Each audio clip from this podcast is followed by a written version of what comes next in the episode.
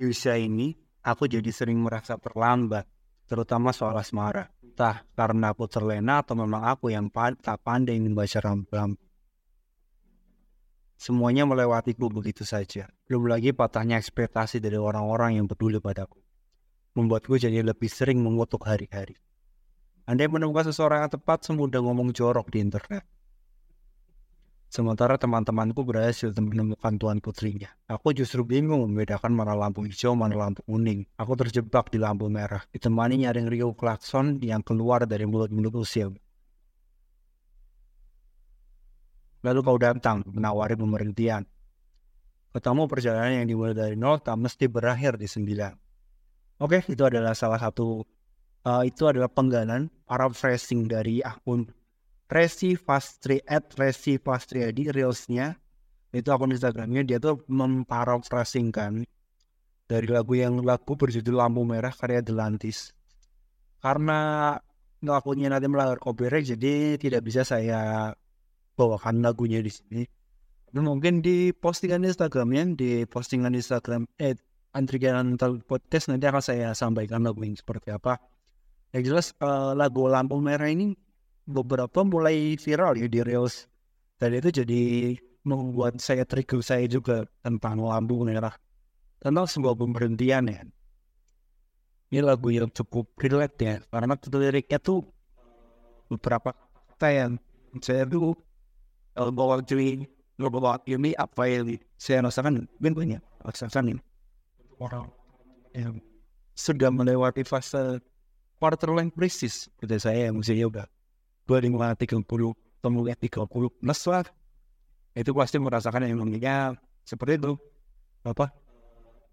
Beberapa teman sudah mendahului dan sudah menikah sudah menemukan tambatan hatinya.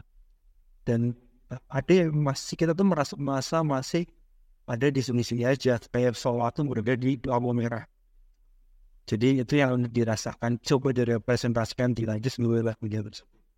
Dan yang warnanya lagi tuh bahkan orang-orang yang memulai harusnya memulai sebelum sesudah kita mungkin ya maksudnya adik kelas atau orang-orang yang seumuran adik-adik saya itu tuh malah sudah kayak secara karir atau secara percintaan sudah sudah menemukan jodoh mereka. Itu kayak merasa loh kok udah disenit seperti ini?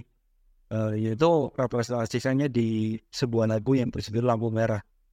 Kita tertahan di sini tapi ya pada akhirnya ada ada yang sedang menunggu di sana saat kita melewati lampu merah analoginya lampu merah ini menarik ya tapi oh ini mah ada ada cerita lain tentang lampu merah yang saya juga mau menganalogikannya dengan sebuah cerita yang lain ya. Yang kita coba bahas The Lantis ini salah satu band yang aliran musiknya cukup unik-unik ya, agak uh, all all klasik klasik pop gitu kan, yang mirip-mirip naif lah. Sekilas tuh kayak naif kayak apa tuh dulu.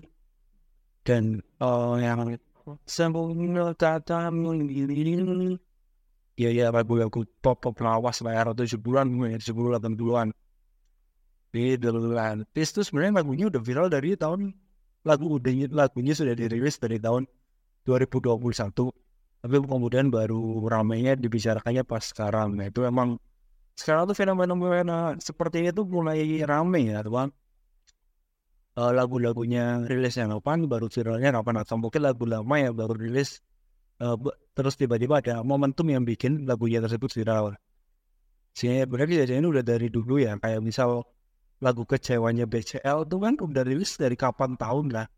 Udah dari 2000-an awal terus tapi waktu saya akhir-akhir mau lulus kuliah tuh kecewanya tuh hits lagi. Karena waktu itu uh, Skinny Fat yang impersonate bahasa Inggris itu dulu uh, dapat kesempatan ngomong cover itu terus jadi lawak lawakan di internet yang apa di meme meme di Twitter ya. Twitter, uh, sekarang namanya X tapi dulu masih Twitter yang kecewa. Kalau ada orang ngomong kecewa terus bakal dibahas aku ingin marah melampiaskan terus diketik-ketikan ya.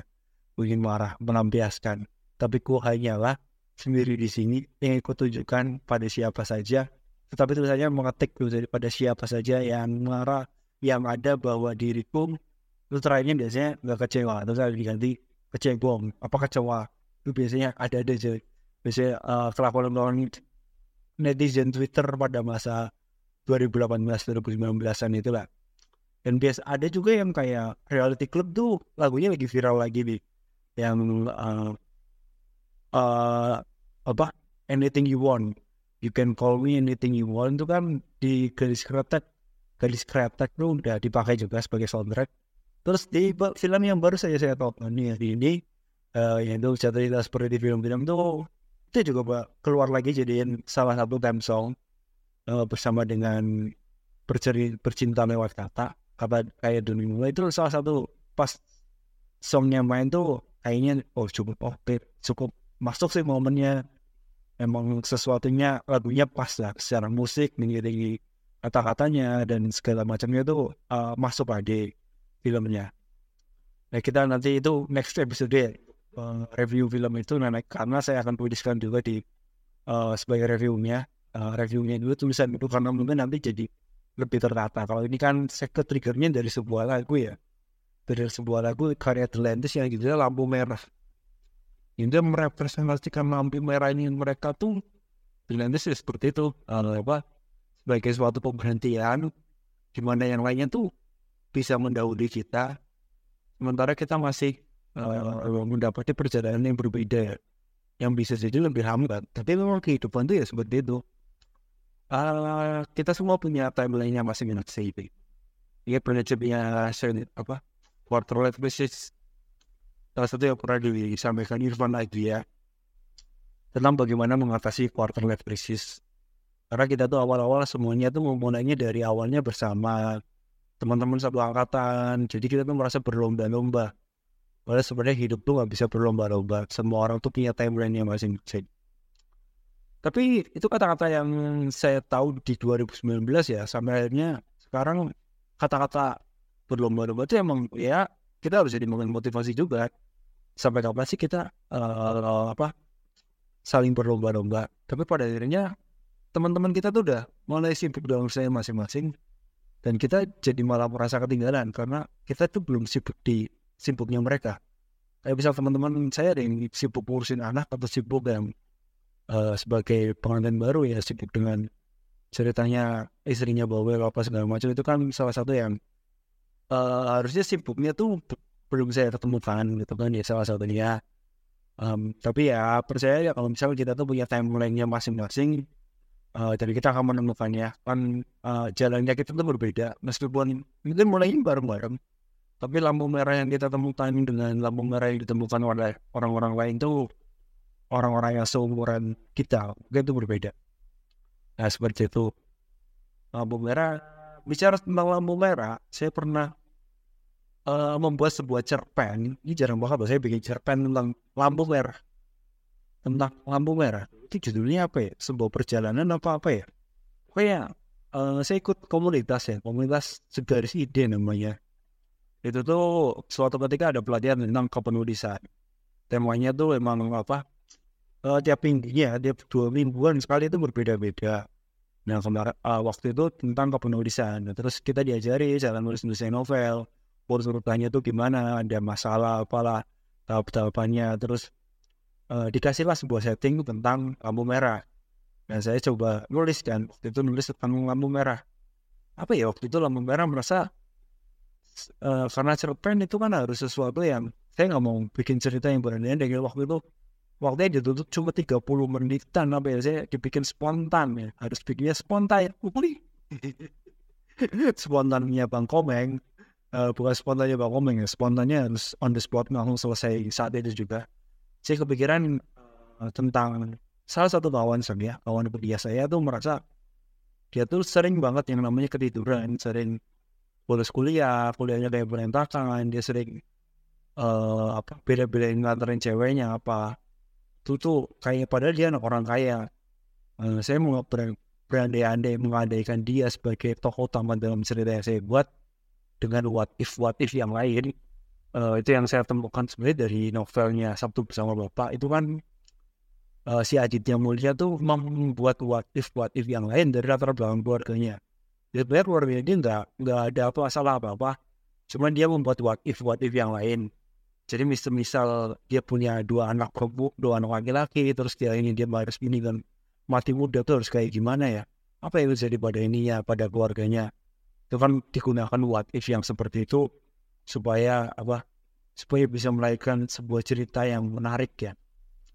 Itu bagaimana caranya uh, membuat ceritanya menjadi menarik. Ada juga yang cerita besar yang catatan juang.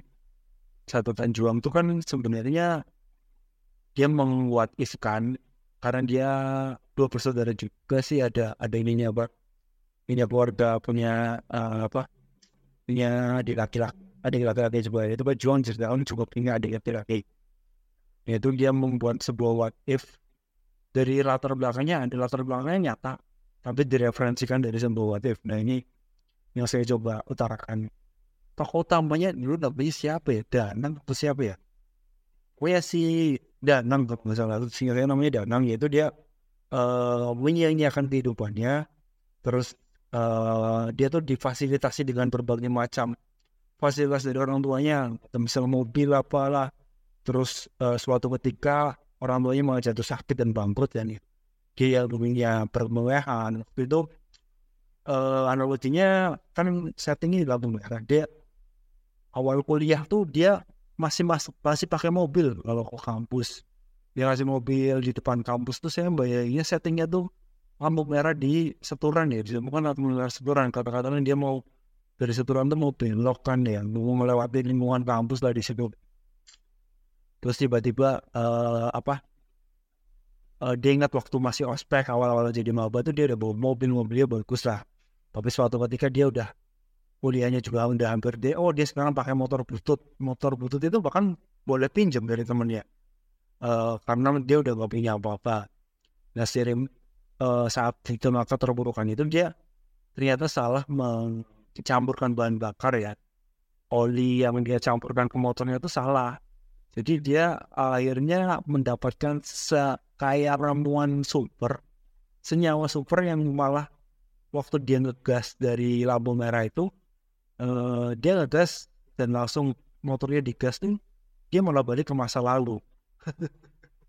Itu sebenarnya salah satu yang itu di ending sih di endingnya. Dan akhirnya dia mendapati dirinya tuh balik ke empat tahun yang lalu lah waktu dia masih maba. Padahal dia waktu itu sudah hampir mau selesai kuliahnya. Dan mau terancam nyewa ya karena kerjanya uh, kuliahnya tuh masih udah mulai berantak, udah berantakan banget lah. Itu saya dapat inspirasi lagi dari The Flash ya. The Flash yang waktu itu series yang namanya Grand Casting. Grand Casting itu kan yang di apa uh, C CW ya W CW CW itu kan kayaknya untuk kembali ke masa lalu itu salah satu ide yang menurut saya out, out of the book dan bisa nggak sih? Sebenarnya saya karena itu saya kepengen banget sih balik ke masa lalu. Itu saya masukkan ke dalam apa sebuah cerita tulisan kom tulisan juga dulu pernah nulis opini tentang kembali ke masa lalu itu kayak sesuatu hal yang ini trigger saya untuk berpendapat atau menceritakan hal banyak hal tentang kembali ke masa lalu. Itu hal yang kayaknya uh, luar biasa sekali lah uh, nah itu uh, ke-trigger kenapa bisa ini cerpen itu deh alhamdulillah cerpen itu menjadi ide dikategorikan cerpen terbaik ya. Cerpen spontan fluid terbaik uh, dalam waktu singkat itu kan uh, resolusinya dapat alur ceritanya pas. Jadi kata pem, nah, apa pembicaranya itu oh, ini masnya kayaknya udah sering bikin cerpen ya. Padahal selama itu 2000 itu kejadian 2015an ya 2016 nih 2016 tuh sering nggak pernah bikin cerpen cuma saya lebih sering saya seringnya kan nulis blog ya. Blog itu kan biasanya apa uh, ceritanya cerita nyata. Cerita nyata yang saya bikin jadi memfiksikan cerita nyata. Jadi beberapa ya emang ada ada yang saya lebihkan. Saya up up untuk beberapa poinnya supaya untuk kebutuhan ceritanya jadi lebih menarik. Uh, saya belum suka bercerita lewat tulisan itu jadi perlu tanya itu jelas kayak orang yang baca itu oh ini kok logika berpikirnya uh, si Yudi kan bisa jadi orang jadi tahu logika berpikir saya. Jadi itu jelas uh, ini dan kategori cerita lampu merah itu akhirnya berhasil dengan apa berhasil mendapatkan penghargaan dan saya dapat kaos. Alhamdulillah dapat kaos. Itu salah satu pengalaman berkesan tentang lampu merah. Itu ada lampu merah yang lain ya di lampu merah. Di lampu merah semua jadi pemberhentian dan itu lampu merah yang jadi uh, sebuah titik balik untuk meng mengingat juga sih sebenarnya lampu merahnya jadi mengingat. Karena lampu merah tuh biasanya kita pas lampu merah tuh ada lampunya. Ini lampu merah uh, apa?